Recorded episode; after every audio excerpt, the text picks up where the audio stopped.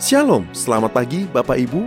Sesaat lagi Anda akan mendengarkan Ragi, Renungan Pagi, yang akan dibawakan oleh hambanya, Pendeta Doni Prastio. Selamat mendengarkan.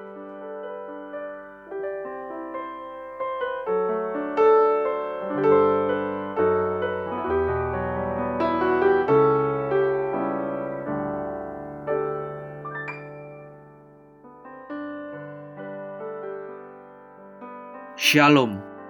Renungan pagi hari ini berjudul Tujuh Sabda Yesus di Kayu Salib yang ketujuh, yaitu ucapan penyerahan. Dimulai dari perkataan Yesus yang pertama hingga yang ketujuh di atas kayu salib. Yang pertama, ucapan pengampunan, ucapan keselamatan, ucapan kasih, ucapan pengharapan, ucapan penderitaan jasmani, ucapan kemenangan, dan ucapan penyerahan.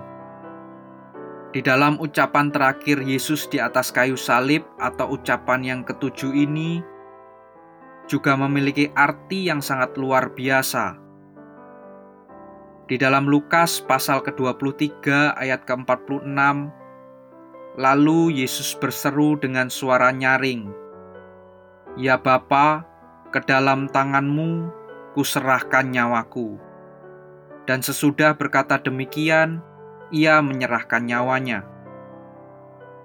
Perkataan Yesus di dalam Lukas 23 ayat ke-46 ini adalah salah satu dari pengenapan nubuatan dari sekian banyak nubuatan tentang Yesus Kristus di dalam Perjanjian Lama.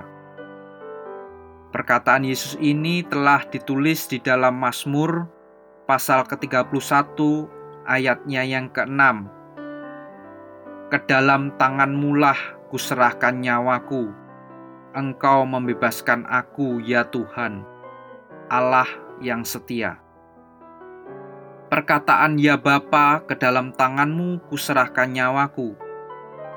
Kuserahkan berasal dari bahasa Ibrani afkit yang artinya lebih dekat kepada menyetorkan atau menitipkan.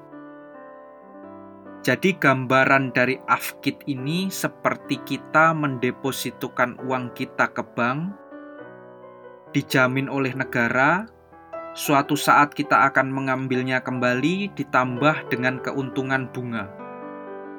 Jika afkit digunakan dalam konteks ke dalam tanganmu kuserahkan nyawaku, maka artinya kita atau Yesus menitipkan nyawa kepada Tuhan, dijamin oleh Tuhan dengan benefit atau keuntungan kita memperoleh hidup kekal dengan catatan semasa hidup kita, kita melunasi atau menyelesaikan tugas kita atau hutang kita selama kita hidup di dunia. Tentu saja, ketujuh sabda Tuhan Yesus di kayu salib ini mempunyai makna yang sangat dalam di dalam kehidupan kita.